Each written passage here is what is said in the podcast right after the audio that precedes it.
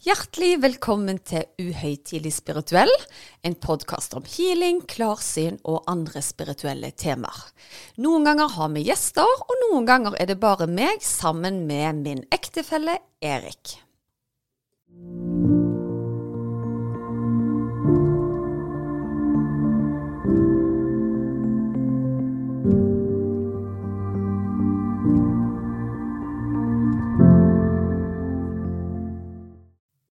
Ja vel, Susanne. Da var vi tilbake igjen. Det var vi. Det har jo vært valentine og greier òg, Erik. Så det var ekstra koselig å få en liten oppmerksomhet fra deg. Ja, det var jo bare kjekt. Og vi har jo òg fått ganske mye oppmerksomhet fra andre. Ikke nødvendigvis med valentine, men om uh, engletall og fødselsvisjon. Altså, Det har jo engasjert noe helt vanvittig. Og jeg får så mye snapper nå hvor folk screenshotter at de ser det samme tallet igjen og igjen. Og utrolig mange har blitt mer bevisste på sin fødselsvisjon nå. Det jeg får tilbakemeldinger på, er ikke nødvendigvis at de går fra å være bibliotekar til at de skal bli astronaut i morgen, men gjerne at det er en indikasjon på at jeg har lyst til å bare være mamma. Eller jeg har lyst til å bare ha mer ro i livet mitt. Å lese bøker gir meg glede. Jeg skal bare være mer til stede i nuet. Så det er et veldig bredt spekter i uh, fødselsvisjonen. Ja, og det er veldig kult at vi kan bruke det for å skape bevissthet rundt eh, sin egen person og framtiden. Mm. Men når du er inne på bevissthet, Erik. Nå har meg og deg babla i veldig mange episoder, bare meg og deg. Men jeg kjenner til en utrolig spennende person som er filmskaper. Han har en egen podkast, og han har faktisk lagd en film om bevissthet. Fantastisk. Mm. I tillegg så har han klart å helbrede seg sjøl fra kreft. Og vi er en podkast som er engasjert i healing, og vi er engasjert i bevissthet, og vi er engasjert i alt som har det med spirituell å gjøre. Så hvem er mer spennende å invitere inn da enn Terje Toftenes? Nei, Jeg er helt enig, så det var et funn. Ja, vi gleder oss til å få han inn i studio. Ja, velkommen til deg, Terje Toftenes. Tusen takk, det er en stor ære. Veldig kjekt Absolutt. du ville være med oss. Og du Susanne, du har hørt på podkasten til Terje siste uken. Altså, jeg var så imponert og ble så inspirert. Så jeg har virkelig funnet meg en ny liten favoritt, altså. Så jeg kasta meg rundt og inviterte Terje inn til vår podkast. Ja. Hva var det som uh, trollbandt deg sånn? Nei, det var bl.a. et intervju med en mann som hadde noen helt spesielle opplevelser. Og det gjorde jo at jeg begynte å fordype meg litt mer i denne mannen som holdt eh, podkasten. Og fant ut at han har jo litt av en historie sjøl å komme med. Ja, og den historien Terje, den håper jeg du kan uh, fortelle litt mer om. Uh, hva var det som inspirerte deg? Jeg, håper vi, jeg håper vi har fem timer, så skal jeg gjøre det. ja, eller ja, vi bare sette opp farten. vi får ta sånn speed-variant i dag, Terje. Ja, ja, ja. ja, men hva var det som egentlig inspirerte deg til å starte på Ja, kom igjen. Ja. Nå fikk jeg ikke med meg hva du sa, for jeg snakka i munnen på det. Oh, ja, okay. Uh, hva var det som inspirerte deg til å starte podkasten din? Ja, det var eh, Altså, jeg har jo tenkt på det en stund. Altså, jeg startet jo den podkasten for halvannet år siden. Og så, eh, men før det så hadde jeg gått og tenkt på det. Men eh, jeg var så busy med masse andre ting, så jeg tenkte at det er sikkert masse hassle og masse fikling på data som jeg vet ikke om jeg har tid til å sette meg inn i, så jeg utsatte det og utsatte. Men så fikk jeg heldigvis en mail fra en en fyr som eh, dukket opp av det store intet, som sa det at eh, hei, jeg eh, er sånn, driver med data, og jeg har hørt på, jeg sett på noen av de filmene dine, og syns at du burde absolutt prøve å lage en podkast, og hvis du trenger hjelp til å få satt opp, så kan jeg gjerne gjøre det for deg. Og da tenkte jeg wow, han var jo sendt fra et eller annet sted der oppe. så så jeg bare sa tusen hjertelig takk. Det var i august eh, i eh, ja, halvannet år siden. Så tenkte jeg at ok, jeg skal lage 100 episoder, eh, og så prøver jeg å lage en hver uke, og så ser jeg hvordan det går. Og nå er jeg kommet til episode 71. Så det har i grunnen vært utrolig spennende. Men altså, jeg må jo si jeg hadde jo en en liten baktanke også, fordi uh, vi har jo laget uh, en god del dokumentarfilmer opp gjennom de siste 15 årene. Altså i New Paradigm Films, som er dette filmselskapet som, vi, som jeg driver sammen med kona mi, Ragnhild.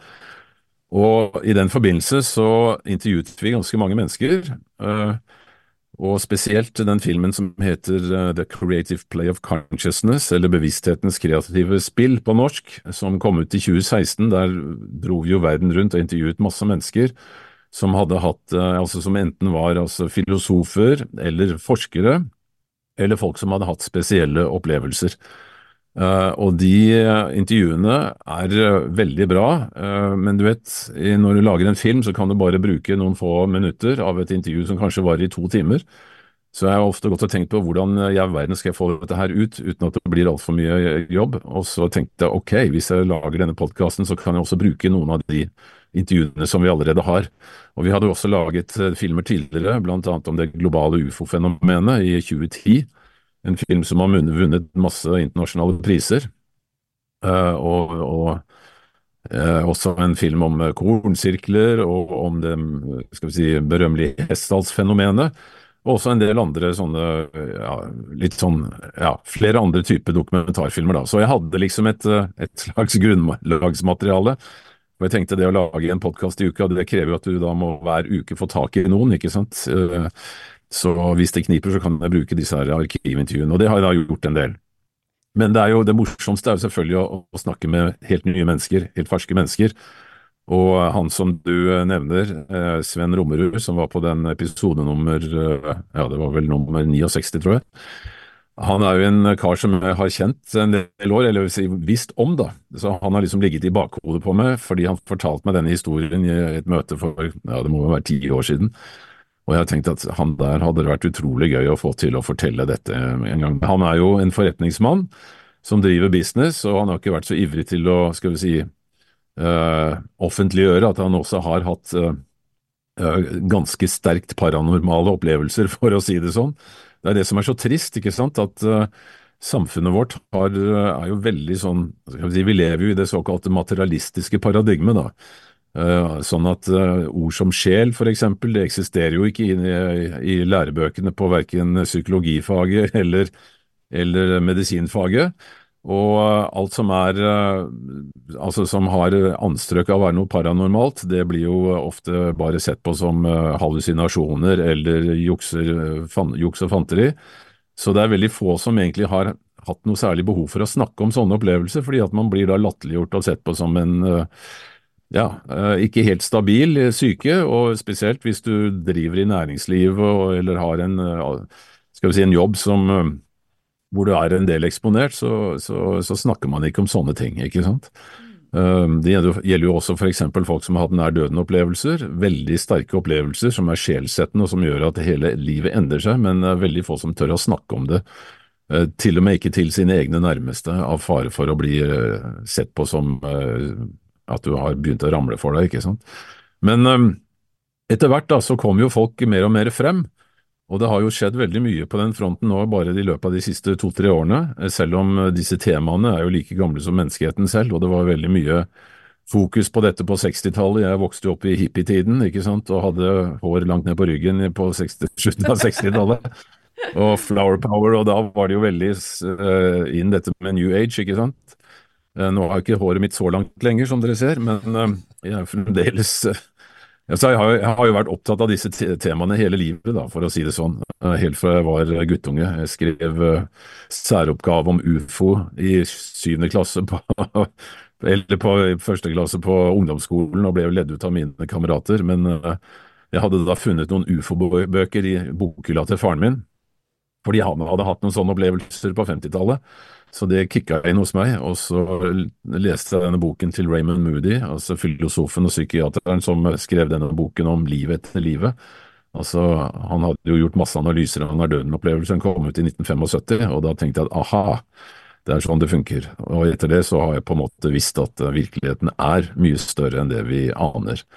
Uh, og det har jeg i grunnen fulgt med hele livet, og det var også en av årsakene til at uh, jeg tenkte da for 15 år siden at i tillegg til å drive med Altså, jeg har drevet med videoproduksjon hele livet, eh, og veldig mye sånn oppdragsfilmer for næringsliv og Statoil og Esso og Telenor og ja, gud veit, alle sånne store selskaper har jeg jobbet for. Veldig, jeg har jobbet i 25 år for Norske Veritas med å lage alle mulige eh, sånne tematiske filmer om ulike teknologier, og reist jorda rundt og vært på nesten alle mulige skipsverft og filma, både inni og utenpå båter. Så jeg har liksom fått en ganske sånn bred innsikt da i ja, i både skal vi si, forskjellige typer kulturer og i næringskulturer og alt mulig sånn, så jeg føler liksom at jeg har ja, fått en del livserfaring som, som har vært veldig grei å ta med da når man skal bevege seg ut på denne tynne isen her. Altså, man skal begynne å snakke om paranormale ting. Det er jeg veldig enig i, altså, i det du sier der, fordi da får du den tyngden i bånn. Og jeg sjøl har jo eh, karriere innen oljebransjen. Jeg har òg vært innenfor shipping, før jeg da sa opp alt og sa hei, jeg skal bli healer istedenfor. Eh, men Oi. det som er, når du allerede har vært inne blant disse menneskene, da, de som gjerne lo høyest der og da, det var jo de som skrapte mest på døra, gjerne under koronatida mm. eller når det var annen motgang som virkelig de kjente på, da. Så jeg tror at hvis du kommer til et punkt i livet hvor du virkelig trenger noe større å tro på, mm. det er da mm. det vekkes noe inni deg. Det gjør det, og det, eh, jeg har jo noen venner som eh, har vært altså, veldig, veldig langt oppe i toppen av næringslivet. Og spesielt etter at jeg hadde denne kreftaffæren min, så så kommer de til meg og sier at du Terje, kan ikke du fortelle meg litt om denne juksemedisinen, men du må ikke snakke, ikke, ikke fortelle noen at jeg har spurt. Ikke Å, sant? Selvfølgelig så, ikke. Ja, så Nei, så det er um, det er nå én ting, altså når folk blir syke da, og, ikke, og, er livredde for å dø, ikke sant, så blir man jo, da tyr man til det meste hvis man ikke uh, ser noe håp. Men, uh, men uh, det er også veldig mange som, som tør snakke om f.eks. ufo-opplevelser. da som også har vært altså, latterliggjort alltid. ikke sant, at uh, Hvis du har, påstår at du har sett en ufo, så er det i hvert fall en skrølling. Uh, men nå er jo det også blitt mye mer stuerent, og det skyldes jo at det har vært veldig mye om det i mediene. Uh, vi hadde jo disse X-Files ikke sant, som gikk på TV på ja. 80-90-tallet, som da på en måte satt fokus på et fenomen som selv om det var en fictionfilm, så, så det jo, lå det jo veldig nært opp til hva folk har opplevd og fortalt. Og, og, nå er det jo veldig spesielt med at den amerikanske kongressen eh, på en måte erkjenner at eh, ufo-fenomenet er helt reelt. Altså det er noe som besøker oss eh, stadig vekk, fordi de kan filme det på, med, fra jagerflyene, de ser det på radar. de... de har observert det i så mange titusenvis av, av militære og sivile oppdrag altså i lufta at det, det er helt umulig å neglisjere det lenger. Og da blir det plutselig litt mer stuerent for andre å snakke om også. Meg og deg var jo et bryllup, Erik, i eh, Canada. Og Der møtte vi jo en sånn eh, jagerpilot, og han var en voksen mann. altså Hvor gammel var han? Han var i 80-årene? var han ikke det? Han var 90 år, han. Og han sa han hadde sett mye spennende på nattehimmelen som ble forklart som værballonger. Men han sa aldri i livet om en værballong oppfører seg sånn. Jeg har jo intervjuet en, en tidligere canadisk forsvarsminister som heter Paul Hellier. Uh, da han var, ble, var, blitt pensjonist, så sa han at nå har ikke jeg noen sånn uh, grunn til å beskytte mitt gode navn og rykte lenger. Så jeg har et veldig spennende intervju med han hvor han forteller at dette vet han er helt uh, reelt, og at nå er det på tide at amerikanere og andre skal vi si, myndigheter letter på sløret, fordi dette er noe som menneskeheten nå egentlig har krav på å få, få vite litt mer om. Så, men det skjer jo veldig mye der nå, da. Det gjør det. Det kommer avsløringer på avsløringer nå på løpende bånd. Men det var, det var, akkurat det temaet, da. Um, tilbake til ditt åpningsspørsmål, så, så, vil jeg jo si også det at jeg har hele livet vært en veldig sånn nysgjerrig person. Uh, jeg syns det er utrolig spennende å finne ut uh, hvordan ting funker og, og, og, hvordan ting er. Og det har vel trigget litt den der journalistiske interessen i meg, da, som uh, har gjort at jeg syns det har vært veldig spennende å jobbe blant annet med olje og shipping og, og, alle disse tingene, som, fordi jeg også har en, har også en sånn bakgrunn fra elektroutdannelse, og jeg har også en bakgrunn fra NRK, hvor jeg jobbet med radio- og TV-produksjon noen år, uh, men de siste 40 årene så har jeg da drevet en egen virksomhet. og og vært borti utrolig mye rart da, i alle fasonger av både næringsliv, organisasjoner og alt mulig sånt. Livet Men, blir litt ikke, mer spennende, ja, vil jeg si. Men uh, ikke minst denne interessen da for, um, for, det paranormale har ligget der hele tiden.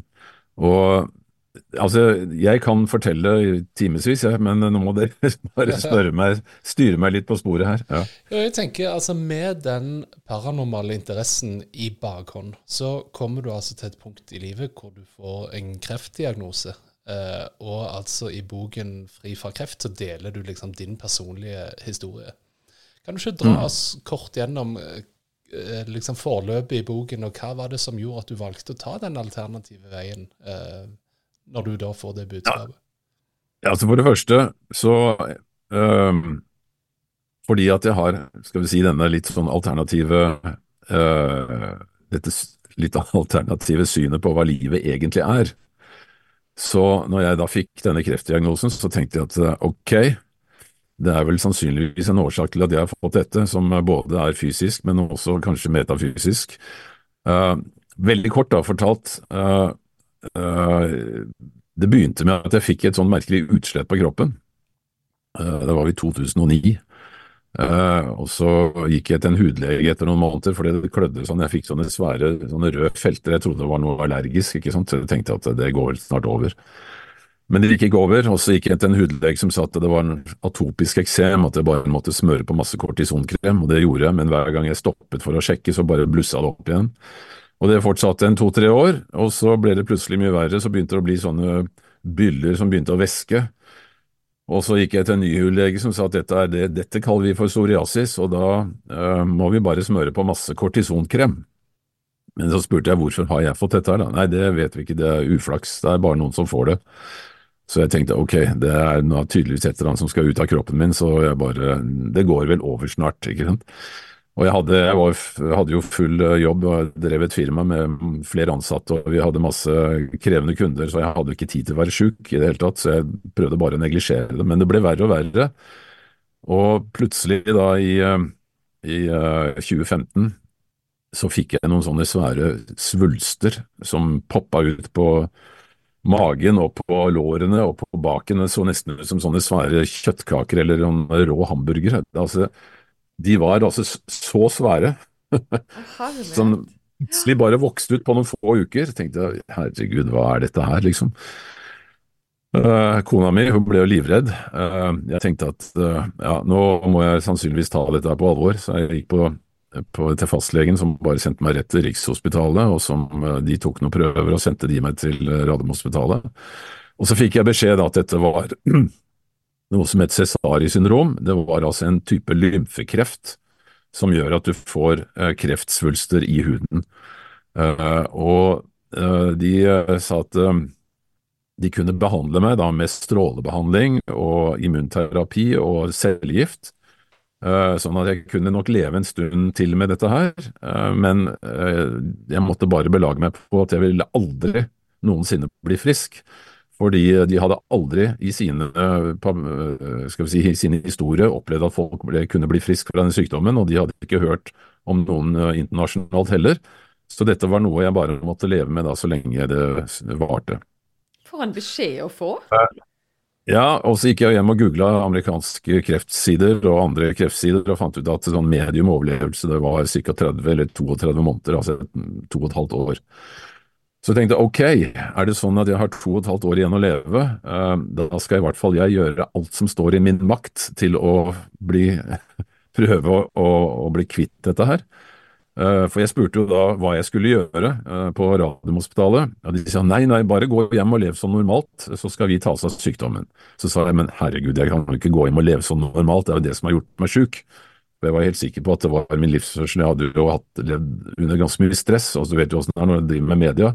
Oh, yes. Så skal jo Det meste skal helst være ferdig i går før lunsj. Det er liksom sånn standing uh, slagord. Uh, sånn at du har alltid for dårlig tid, alltid for trange budsjetter og alltid veldig høye forventninger av dine kunder. og det gjør at det er ganske mye pes. da. Eh, så det er, ofte så våkna jeg klokka fem om morgenen på kontoret med avtrykk av datatastatur i pannebrasken, ikke sant. Eh, og, og så da, når du jobber og har, liksom, må ha noe ferdig til klokka åtte neste morgen, så har du ikke tid til å dra hjem til familien og spise middag. Da må du løpe ned på den nærmeste bensinstasjon og liksom bare montere inn en uh, pølse og en cola og en Kvikk Lunsj, ikke sant. Det gjorde jeg nok litt for mye, eller kasta en frossenpizza i komfyren på kontoret. Uh, sånn at kroppen min var egentlig full av ganske mye dritt, for å si det rett ut, uh, som hadde lagret seg i ganske mange år. Så jeg var ganske sikker på at det måtte være årsaken, pluss at jeg hadde mye stress i kroppen. Så når de sa det at dette var bare uflaks, altså de sa årsaken til de fleste krefttilfeller er det vi kaller uflaks. Ja vel, tenkte jeg da, da betyr det at dere ikke vet hva som er årsaken, når dere bare sier det er uflaks. Så da tenkte jeg at ok, hvis jeg skal bli frisk av dette, så er det én ting jeg må gjøre, jeg må finne ut hva som er årsaken til at jeg blir syk, og så må jeg prøve å gjøre noe med det. Og jeg skjønte fort at det kunne ikke de gjøre, så da måtte jeg gå et annet sted. Og heldigvis så hadde jeg en bror som har jobbet innenfor biolo altså med biologisk medisin i mange år, altså alternativ medisin, han hadde jo sagt til meg lenge da når han så det utslettet mitt at jeg måtte komme og få hjelp, men jeg tenkte shit, det har ikke jeg tid til, jeg, dette går nok over, ikke sant. Men um, jeg ringte da umiddelbart til han etter at jeg hadde vært på Radiumhospitalet og fått den diagnosen, sa at um, Tom, nå trenger jeg hjelp. Så han sa «Øh, da skal du gå til min kollega, for det er ikke noe særlig hvis jeg skal gjøre dette her i tilfelle det ikke funker.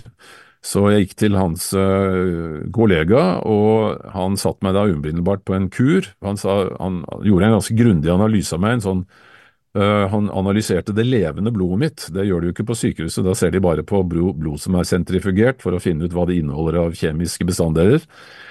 Uh, eller biologiske bestanddeler, mens han så på blodet mitt i et mikroskop, og det er nesten som å se inn i et univers. For da kan du se Eh, disse blodlegemene dine, disse røde blodlegemene, og han sa at eh, hvis de klumper seg sammen, så betyr det noe. Hvis de er runde og fine og flyter fritt, så betyr det noe annet. Hvis de er takket i kantene, så betyr det noe. Hvis de ser ut som pæreforma istedenfor helt runde, så betyr det noe, osv., osv. Han hadde masse sånne markører da, på, eh, på blodlegemene. Og Dessuten så kunne vi se de hvite blodlegemene, Eh, om det var mange av de, om de var aktive osv., osv., i tillegg til at han kunne se om det var mye sopp eller eh, andre mikroorganismer i blodet.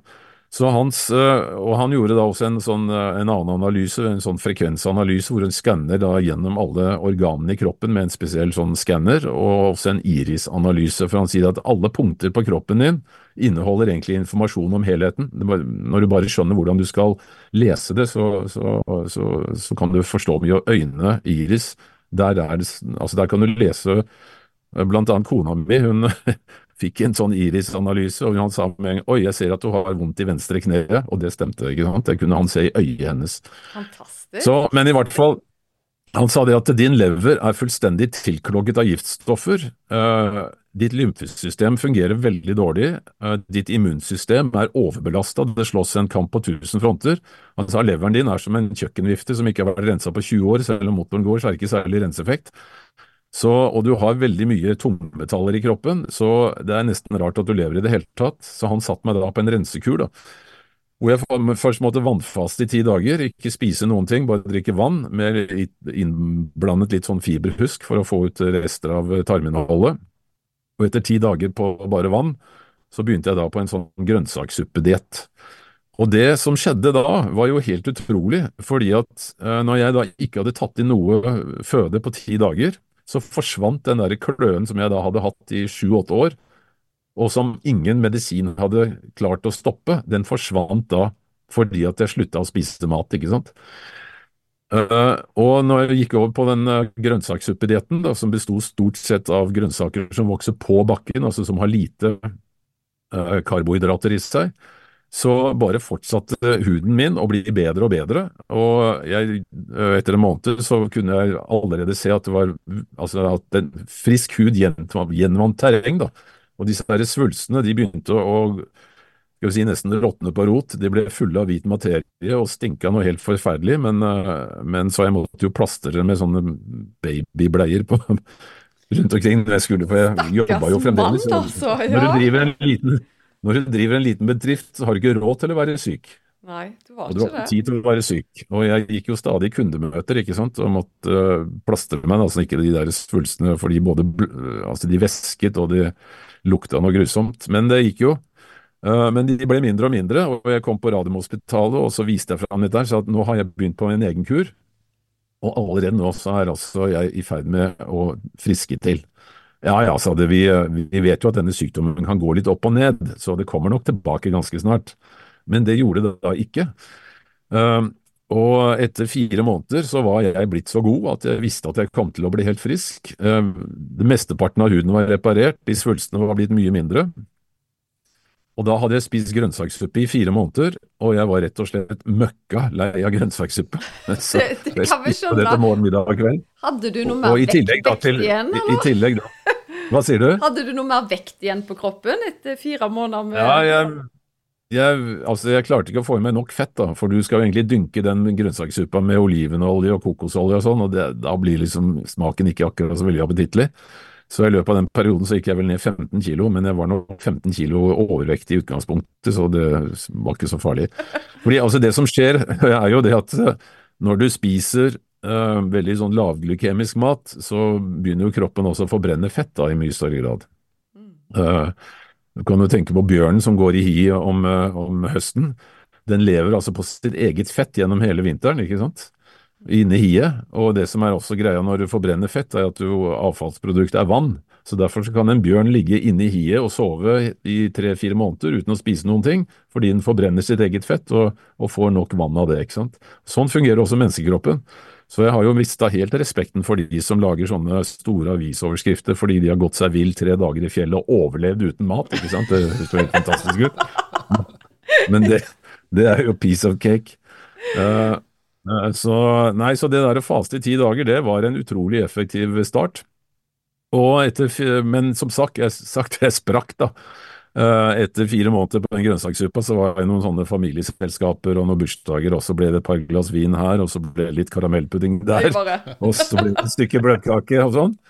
Og det var egentlig utrolig interessant, for da kunne jeg se hvordan disse her svulstene våkna til live igjen, og begynte å vokse, fordi at jeg plutselig altså fikk mye sukker i kroppen. Og øh, så jeg, da gikk jeg til sykehuset og sa de at ok, øh, nå sier jeg ja takk til å få litt strålebehandling på de største svulstene, fordi at jeg vil at dette skal gå fort. Jeg vet at jeg kommer til å bli frisk, men jeg, jeg, jeg, jeg orker ikke å vente liksom et par måneder til. så for å få bli kvitt de siste svulstene, da, de store svulstene. Så da fikk jeg noen runder med strålebehandling, og da i løpet av to uker så var de borte. De bare krympa inn i kroppen og forsvant. Så nå har jeg bare noen sånne små arr igjen, og ellers er kroppen min Jeg skal ikke si at den ser ut som en barnerumpe, for det gjør jo ikke på en, en som er runda 70, men det er nesten, nesten barnerumpe. Men, men, men Eh. har du vært like flink og holdt deg under sukker hele veien, da?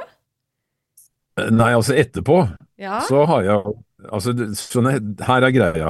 Når kroppen din er full av uh, giftstoffer og dritt, og lymfesystemet ditt ikke fungerer, altså du kan si hele kloakksystemet ditt er nesten tilstoppet, Mm. Da eh, reagerer du veldig på sukker. Og så er det jo det at de kreftcellene, det lærte jeg jo etterpå da, eh, kreftcellene de elsker jo sukker. Altså kreftceller er faktisk helt avhengige av sukker. For de kan, altså, alle kreftceller har eh, av en eller annen merkelig grunn endret hele metabolismen, så de kan ikke bruke protein og eh, sammen med oksygen til å produsere energi. Kreftceller lager energi på en helt annen måte, og det er at de fermenterer sukker. Så når du da, eh, og det var det, for altså, jeg da, nå hopper jeg litt opp og ned, eh, fram og tilbake men da jeg ble frisk, så var det to ting som sto i hodet på meg. Én, hvorfor ble jeg syk? Og to, hvorfor ble jeg frisk? Og det måtte jeg finne ut av, ikke sant. Og da eh, kom jeg i kontakt med masse av disse nye legene som eh, forsker på kreft som en metabolsk sykdom, og de forteller jo det at eh, alle kreftceller de, eh, de eh, er nødt til å ha sukker, fordi eh, de, kan, eh, altså de har endret metabolismen. De kan ikke bruke oksygen og fett og protein som, som vanlige celler kan også, ikke sant. Så når du da, og det var det som skjedde da, at når jeg kutta sukkerinntaket, så stoppet jo kreftcellene å gro, ikke sant. Da begynte de å krympe. Og når jeg da jeg etter en stund begynte å spise sukker igjen, så begynte de å vokse.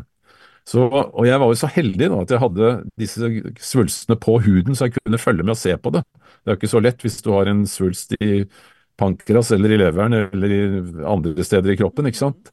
Da kan du ikke se det. Og, og det som også er veldig rart med kreft, at det er ikke noe smerter. Altså det gjør ikke noe vondt. Selv de der største svulstene som jeg sier som var på størrelse med kjøttkake, det var helt sånn det var ingen smerter. Så hadde det ikke vært for at jeg så de, så hadde jeg jo ikke visst at jeg hadde de omtrent, ikke sant. I hvert fall ikke før de begynte å væske så veldig. Da. Men Skummelt. eh, for å gjøre den, eh, denne korte historien enda, som ble veldig lang, men allikevel skal jeg prøve å avrunde her. Uh, da jeg hadde holdt på med dette da, i et halvt år, så var all uh, kreften borte. All atopisk sem, eksem var borte. All psoriasis var borte. Og jeg var da helt, helt frisk, ikke sant. Og jeg fikk jo da en sånn biopsi på Radiumhospitalet, hvor de tar en sånn prøve fra hoftekammen for å se om du har noen kreftceller, for det er ofte der de, start, de lages. da. Så det hadde jeg ikke, så da fikk jeg telefon fra onkologen som sa det at Terje, hallo Tofnes, vi har en gledelig nyhet. Du er et eh, nærmest mirakuløst tilfelle. Eh, Du har ikke flere kreftceller. Så dette kaller vi en veldig lykkelig Også den strålebehandlingen som du fikk her, den har virkelig gjort underverk. sa han.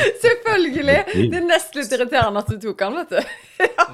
Ja, jeg, unnskyld meg, men uh, nå vet jeg at jeg kanskje banner i kjerka her, men uh, det er jo den kuren som jeg har vært gjennom nå i et halvt år, som har renset kroppen min, som er årsaken til at dette har reversert, og den strålebehandlingen den bare pynta litt på resultatet på slutten. Nei, det var han helt uenig i. Altså, sånne alternative kurer, det var ikke bare det at det ikke funka, men det var jo også direkte farlig. Så han synes, Og det sa de flere ganger, jeg var jo inne der en par-tre ganger i løpet av mens dette pågikk. Og jeg fikk jo inntrykk av at de bare rista på hodet og syntes at jeg var komplett dust, da, som ikke ville ta imot deres behandling, men holdt på med dette her på egen hånd. Men ok, som jeg sier, altså jeg skulle egentlig vært under Torva for fire år siden, og det er faktisk ikke et spøkelse som sitter her. Eh, det, Det er det er meg. Vet du hva, så jeg har jeg er helt frisk og har vært det siden. Ja. Fantastisk. Ja, altså jeg har jo òg kjempegod erfaring med jeg har, eh, jeg har ikke levd på suppa, men jeg har spist ketogent eller lavkarbo nå i nærmere 13-14 år. Rører ikke sukker, og jeg har jo fått et helt nytt liv. Det er en kjedelig Ja. historie for lytterne, for det har jeg delt uh, før. Men han kjenner seg veldig godt igjen i at han, han, når han spiser sånn som det du sier, så er han på en high. Han føler seg så frisk i kroppen. Og så kommer dette berømmelige kaka i et selskap en eh, søndag eller en lørdag, og da er han on the wagon igjen, altså. Ja, jeg spiser for to og tre. Ja, Ja, ja, og- jo, jo, men det, det er, det er det- Altså, sukker er jo det er, det er noe med smaksløkene våre som, eh, som på absolutt skal ha det der. Men altså, du spurte jo også om jeg fortsatt lever så Mm. eh, skal vi si, asketisk, og det gjør jeg ikke. Men det er fordi at nå har jeg fått rensesystemene mine til å funke. Leveren min den på en måte ble tilbakestilt i hvert fall 30-40 år. Eh, Sånn at den, eh, hvis jeg eh, tar et par glass vin nå på fredagskvelden, og eventuelt et kakestykke på søndagen, så er ikke det noe problem i det hele tatt. Men jeg er jo veldig forsiktig, jeg spiser jo ikke godteri, altså det hender jeg gjør det, men ikke sånn som før. Altså Før så når jeg fyller, hver gang jeg fylte bensin, så måtte jeg inn og ta en eh, cola og en Kvikk Lunsj og en is, ikke sant, eh, på bensinstasjonen. Det gjør jeg ikke lenger. Eh, eh, det hender kanskje en gang iblant, men før så spiste jeg mye sånt, altså.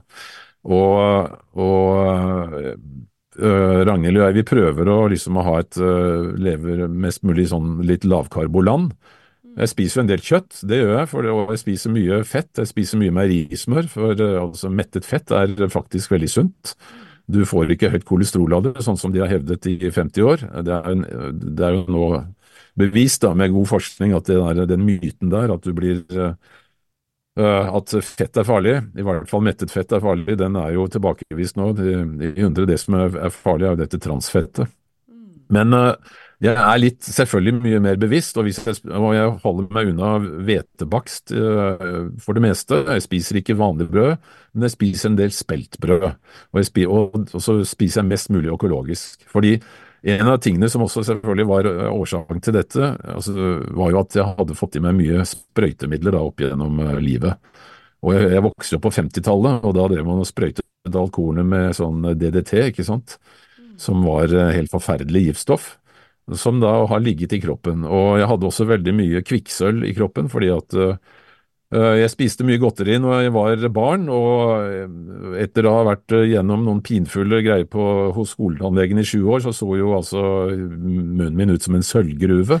Eh, For vi fikk jo sånne fyllinger, ikke sant. Eh, Nå har jeg skifta ut det meste av det, da, men eh, det gjorde også at jeg har fått mye kvikksølv i kroppen, da, og det har jeg også fått ut ved hjelp av disse alternative midlene. Og jeg fikk jo også mye kosttilskudd da under denne kuren, det må jeg jo tilføye, og, og også en del eh, isopatiske midler, altså sånne eller homopatiske midler, og en del urtemedisin. Så det var både altså, eh, det jeg spiste av, sånn, eh, av denne grønnsakssuppa, pluss da diverse kosttilskudd som denne biopaten, da, eller denne ernæringsmedisineren, skrevet, eller skal vi si satt opp en sånn protokoll da, som jeg fulgte. Så det funka, og det kan jeg så hjertelig anbefale alle som kommer i en sånn situasjon. I hvert fall altså hvis du oppdager kreften relativt tidlig, så kan du klare å kurere det uh, bare ved å endre altså livsstil og kosthold. Men du må være veldig bevisst. da. Uh, hvis du har vært gjennom masse behandlinger og har kreft i stadie fire, liksom, og kroppen din er ødelagt av stråling og cellegift og alt dette her, så er det selvfølgelig ikke så lett å reversere. Men, uh, men hvis du får tatt det med en gang du får en diagnose, så, så er altså mulighetene veldig gode. Og dette er altså ikke noe sånn alternativ woo-woo. Dette er støttet på veldig god forskning, og den forskningen er nå i ferd med å bre seg. Men fordi sykehussystemet vårt, eh, altså kreft, er en, liksom en sånn hellig ku som bare si, det organiserte helse... ja, så, men, jo, men altså, det organiserte helsevesenet har jo monopol på kreft, ikke sant. Ja. Altså Alternative behandlere som faktisk kan gjøre deg helt frisk, de har ikke lov. Så det var jo første jeg måtte love da, den alternativbaneren, at jeg måtte jo ikke si til noen at uh, det han gjorde med meg kunne ha effekt på kreften min, for da ville han, da ville han altså helsemyndighetene komme og ta alt utstyret hans, ikke sant. Jeg må sensurere jo, ordet effekt. Vi har ikke lov å bruke effekt på hjemmesider eller noen ting. Så hvis noen nei, nei, nei. skriver 'dette har hatt flott effekt på meg', Susanne, så må jeg inn og så må jeg liksom stryke over ordet effekt. Det er jo latterlig. Ja. ja, dette var en fin opplevelse, må jeg skrive istedenfor. Så det er... Ja, nei, altså det er jo helt sprøtt. Altså hvis du f.eks. da finner et naturmiddel som har en bra effekt, så kommer altså helsemyndighetene, eller hva det nå heter, Legemiddelverket eller hva det er, og sier at aha, dette har effekt, det skal vi undersøke. Og så tar de det, og så sier de at ok, dette må vi da klassifisere som legemiddel, så da har ikke dere lov til å bruke det lenger. Og, og, og der er heller ingen andre som får brukt det, for de bare putter i uh, sylinderarkivet, ikke sant. Så det er altså uh, en sånn inngrodd, uh, ikke bare sånn skepsis, men altså det er så mye skal vi si, andre interesser som styrer hele dette regimet. Både når det gjelder altså posisjonering. Uh, veldig mange eldre menn i hvite frakker som uh, ikke har lyst til å få ødelagt sitt gode navn og rykte fordi at det nå er kommet ny forskning som viser at det de har holdt på med hele livet kanskje ikke har vært helt riktig.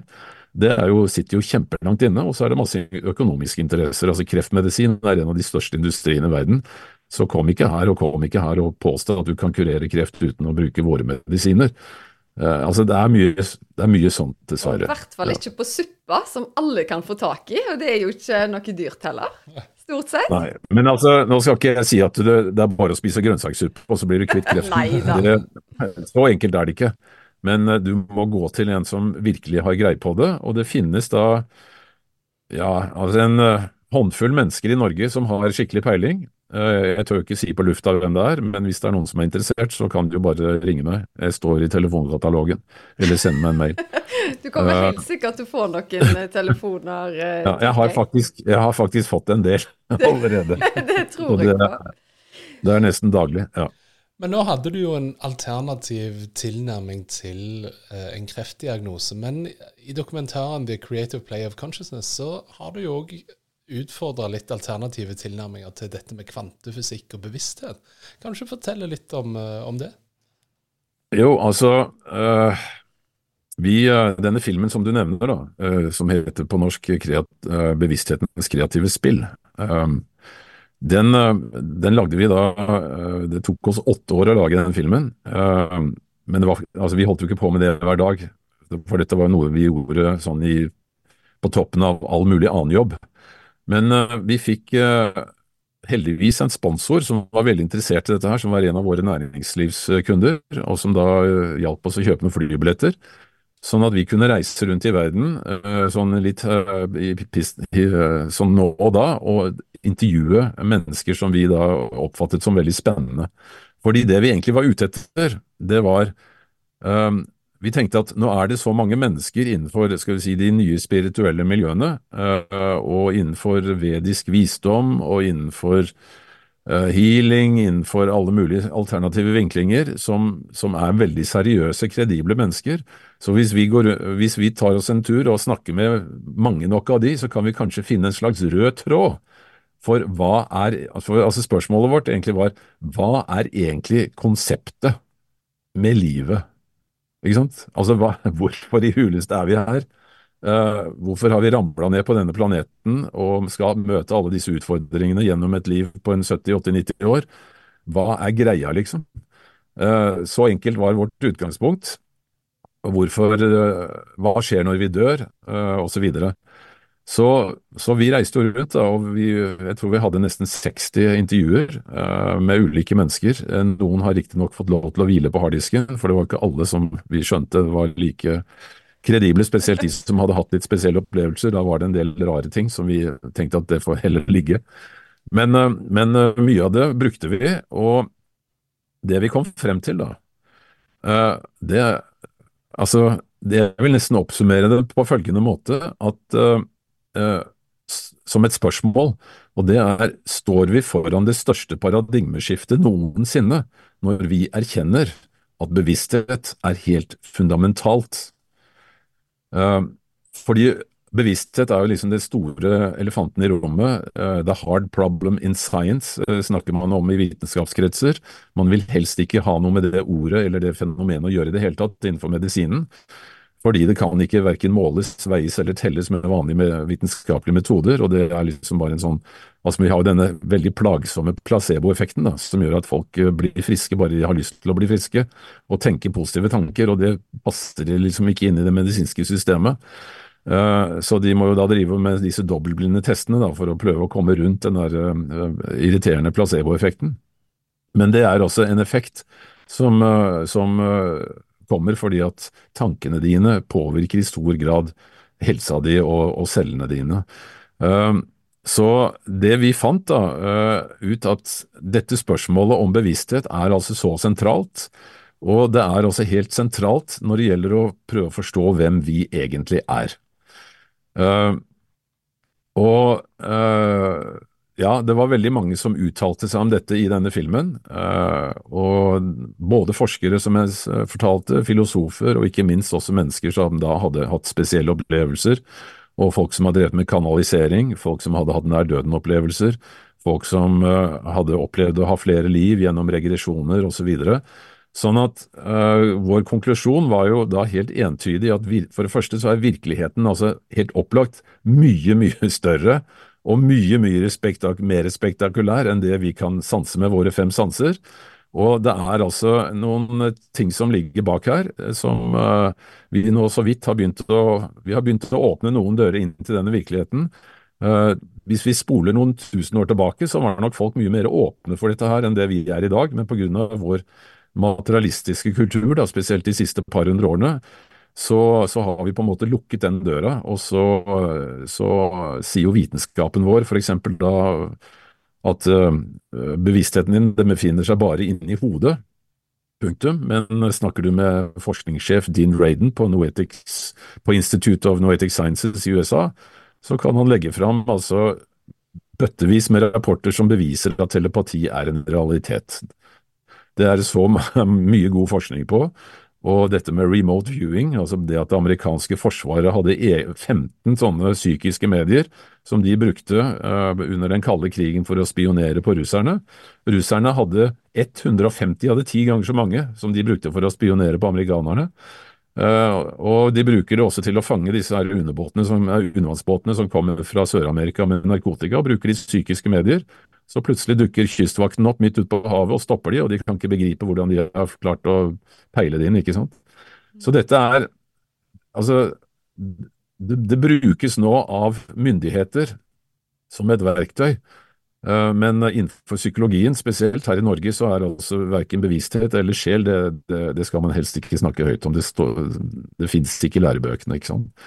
Så, det, så den filmen, da, eh, var egentlig et forsøk på å få disse temaene mer frem i lyset, og det føler jeg på en måte at vi har gjort, for den har vært sett av eh, hundretusenvis av mennesker uh, over hele kloden, og vi har fått uh, masse flotte tilbakemeldinger, og den er liksom på en måte tidløs. Så det er bare å gå på vår nettside paradigmefilm.no, så kan man se den der. Utrolig spennende. Så dette her med telepati, det har meg og deg hatt litt gøy med, Erik. Jeg pleier også å tulle litt med han fordi jeg sender mentale handlelister til han. Så når han kjører Mm. hjemme fra jobb, så bare pokker, så må han innom Rema, og så er det sånne merkelige ting på handlelista, og så kommer han hjem med det hver gang jeg har gjort det for gøy. Så det funker så bare det, mellom oss i hvert fall. Ja. Ja, så det er det de sier, da, de som forsker på det, at uh, det funker best mellom folk som har veldig nære relasjoner. Sant? Som er tunet inn på hverandre. Mm. Og jeg merker jo det, altså når du har levd samme eh, liv med, eh, et langt liv med samme kone, eh, så, så vet du nesten hva hun skal si før hun åpner munnen, ikke sant? Og nå kan det sikkert skyldes en del andre ting òg, men, men jeg hadde for eksempel, for eksempel med min gamle mor, da, som bodde på Sørlandet mens jeg bodde i Oslo. Hver gang jeg ringte til henne, så idet jeg tar av, skal gå bort til telefonen, så ringer hun. Eller omvendt, ikke Ja. sant. Så det var sånn helt Og han Rupert Sheldrake har jo forsket på dette her. At eh, i 80% av tilfellene så, så kan folk uh, sense når noen tenker på å ringe til deg. Eller at hvis du eh, stirrer på noen bakfra, så i 80% av tilfellene så snur folk seg. Når de føler, altså, for de kan fange opp det at noen ser på deg bakfra, liksom, eller stirrer på deg. Da. Så det er jo gjort masse sånne forsøk. Ja. Så parapsykologi er jo et uh, spennende tema, og jeg var jo senest på en sånn svær konferanse nå i sommer. Hadde vi en svær parapsykologisk konferanse i Oslo med forskere fra hele verden, og senere også da i, i, i oktober i England. Så jeg er jo medlem av det parapsykologiske selskapet, og når du kommer dit, da, så blir du sittende bare og riste på hodet og tenke at hvorfor i all verden vet ikke alle mennesker om dette her? For dette, dette er ikke paranormalt, det er, bare, det er helt normalt. Det er bare det at vår vitenskap har eh, dessverre funnet, altså på et tidspunkt bestemt at alt som eh, eksisterer, det, eller det som eksisterer er kun det som kan måles, veies eller eh, telles. Og, og andre sånne fenomener, det foregår bare eventuelt inni hodet, og mesteparten av det er bare drømmer og, og hallusinasjoner.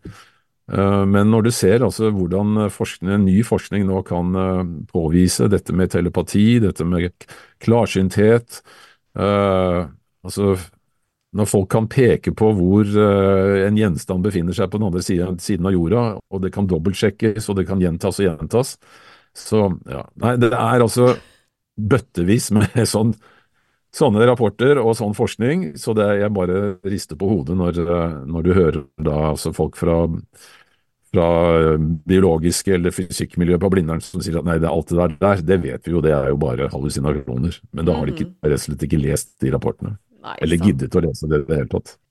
Nei, altså For min egen del da, så begynner jeg å merke en liten endring. da, For når jeg starta fulltid som healer i 2009, da var det helt utenkelig for meg at en psykiater, en lege eller en psykolog skulle være klient. Men det har jeg jo merka en stor endring på nå i de siste årene. Heldigvis. Så Jeg- jeg- fantastisk. Ja, jeg tror ikke de sier det så veldig høyt på, på kontoret med kollegaene, men de snakker jo om hverandre til meg, da. Så jeg har jo veldig lyst til at kan dere ikke faktisk dele at dere på samme avdeling går til healing? Men, men det, det gjør de ikke, altså.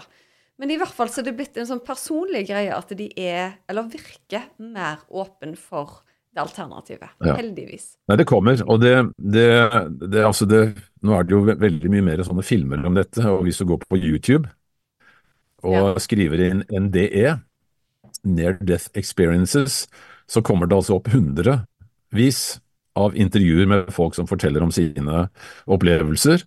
Og det var jo spesielt etter at denne berømmelige eh, hjernekirurgen Eben Alexander eh, i eh, 2013 sto frem og fortalte at han hadde Altså, han var jo en, en nevrokirurg og var jo materialist til tusen. Så fikk han eh, en eh, veldig heftig hjerneinnbetennelse og ble lagt inn på sykehuset og gikk i koma, og eh, familien ble kalt inn fordi at personalet der fortalte jo at hans siste timer var kommet. Og så får han da plutselig en sånn EEG som bare er helt flat, altså det er ingen, ingen virksomhet i hjernen hans.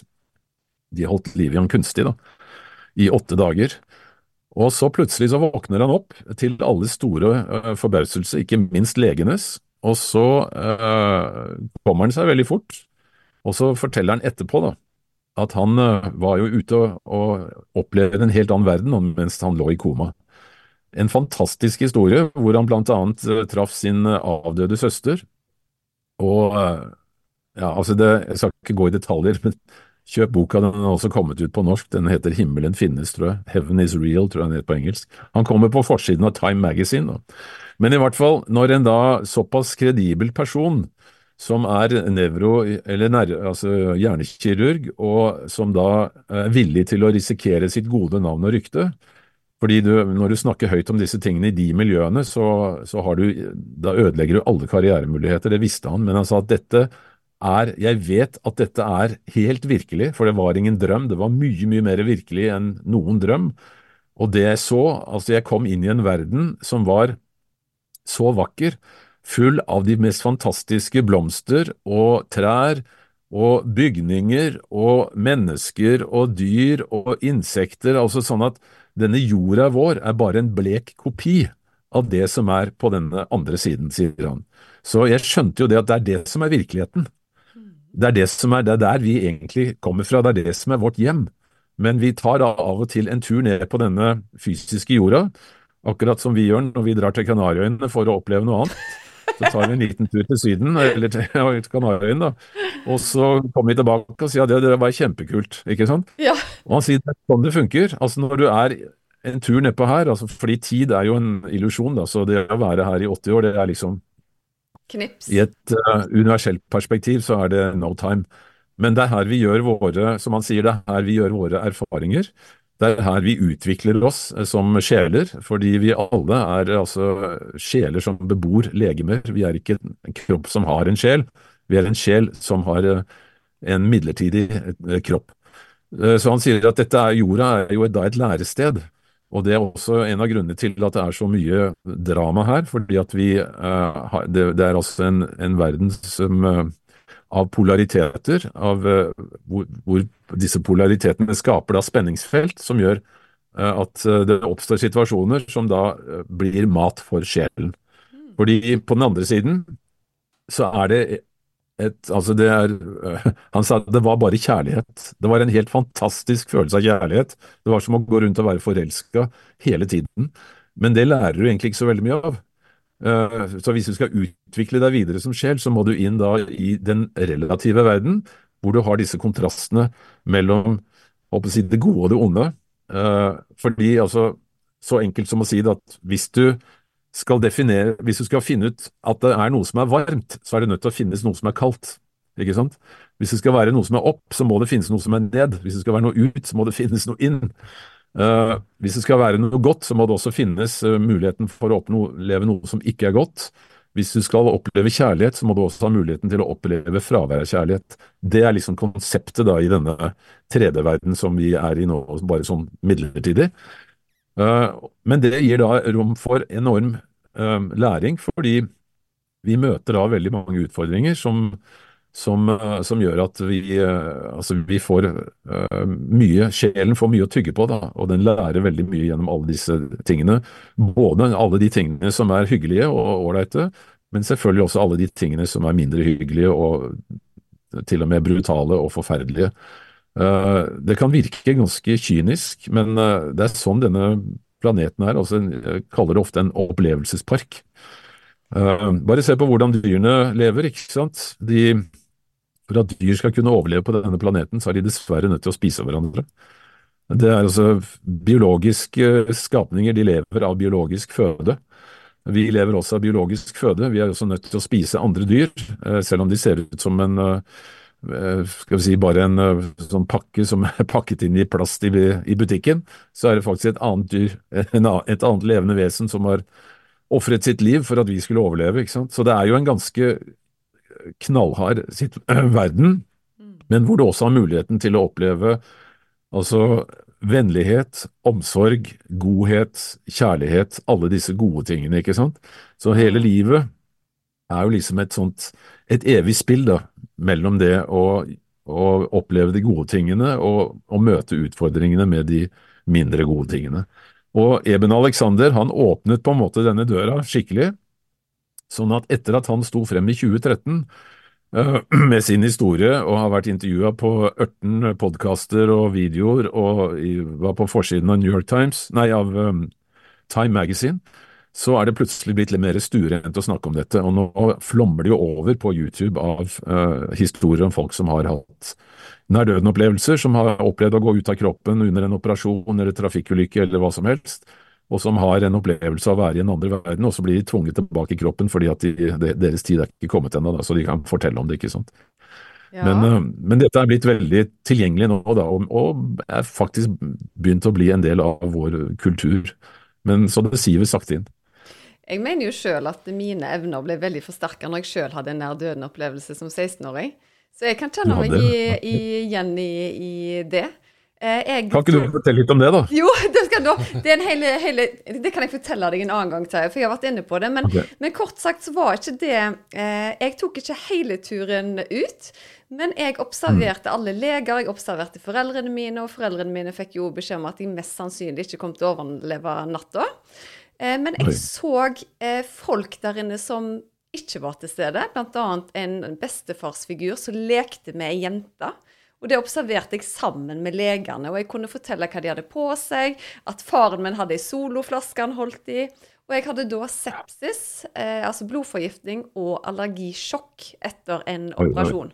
Så det var lite trolig at jeg ville overleve. Og da fikk jeg heller ikke hjerneoksygen, så jeg fikk sølvfarga negler, og det var veldig alvorlig, for det er jo et tegn til at da får ikke hjernen det han skal. Men hva gjorde det med deg, da? Hva, hva, har det, hvordan har det påvirket livet ditt i ettertid? Vet du hva, det har nok gjort at jeg har blitt den healeren jeg er i dag. For evnene mine ble jo veldig skrudd på. Altså sansene ble jo på et helt nytt nivå.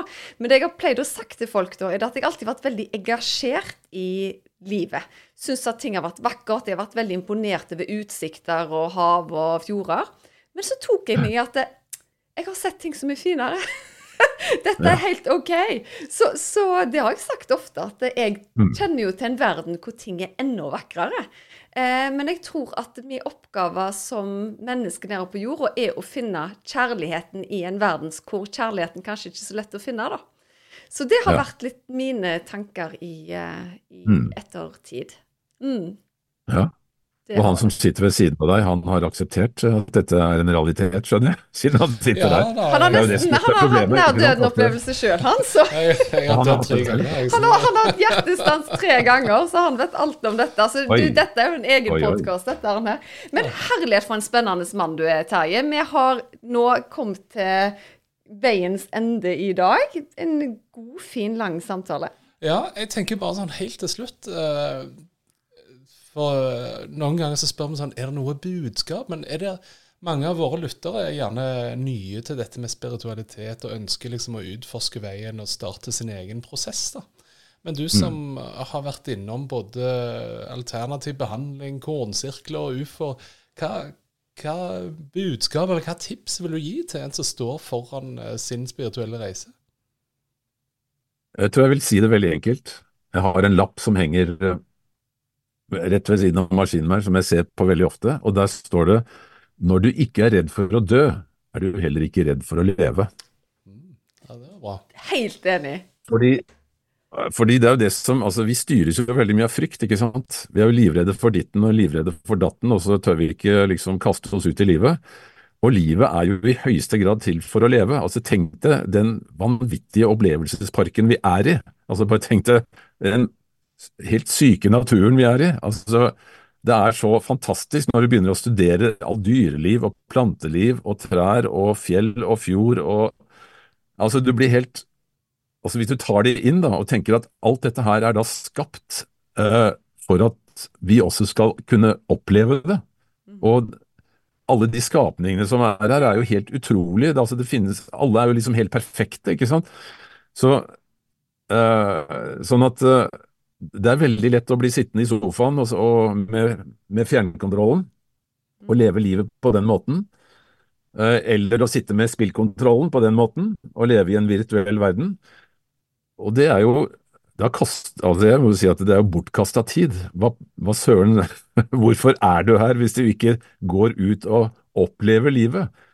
Uh, og um, det var jo en som sa det at uh, det var han eh, Bruce Lipton spurte han eh, liksom hva er vitsen Altså hvis du er en sjel da, og lever i en sånn fantastisk verden, hvorfor, hva er vitsen med å dra ned på, på denne jorda? Så sa han det, if you're only a spirit, what does chocolate taste like? Han sa, ikke sant? How do you know what Altså hvis du bare er en sjel som lever i en ikke-fysisk verden, så får du aldri sjansen til å smake på sjokolade. Og mange andre ting. Og det er det vi kan gjøre her, ikke sant? Vi kan smake på sjokolade, og vi kan smake på alt mulig. Så um, for å gjøre svaret Ja, det ble et langt svar, men jeg mener at hvis vi klarer å innse at det er ikke farlig å dø Selvfølgelig så skal man passe på, det er jo ikke noe hyggelig å dø fra slektningene, men altså, livet blir mye mer ufarlig. Så Da er det også mye lettere å oppsøke ukjente ting, snakke til ukjente mennesker, reise til steder du aldri har vært før, gjøre ting du aldri har gjort før. Det er jo det som er gøy. Det er derfor vi er Gjøre det meste ut av livet, egentlig. Ja. Veldig bra. Eller å lage en, eller å lage en podkast med noen du aldri har truffet før. For eksempel. Det gjør vi, så det er helt topp. Ja, Nei, men Veldig bra. Ja. Med, med det så tenker jeg vi, vi setter strek. Vi er utrolig takknemlige for, Terje, for at du tok deg tid til å, å dele dine erfaringer med oss. Tusen Ja, det vil jeg bare spille rett tilbake og si tusen takk for at jeg får lov til å skravle i eh, en time her. Det synes jeg jeg synes det er kjempegøy å snakke om disse temaene, så takk for at dere gjør også dette mulig. da. Ikke bare for meg, men for alle andre dere snakker med. Ja, nei, men Det var kjekt å høre. Med så kloke ord så setter vi strek for i dag. Tusen takk for at du var med oss. Og um, så sier vi ha det til lytterne òg. Ha det. Ha det. Ha det. Ha det godt. Takk for nå.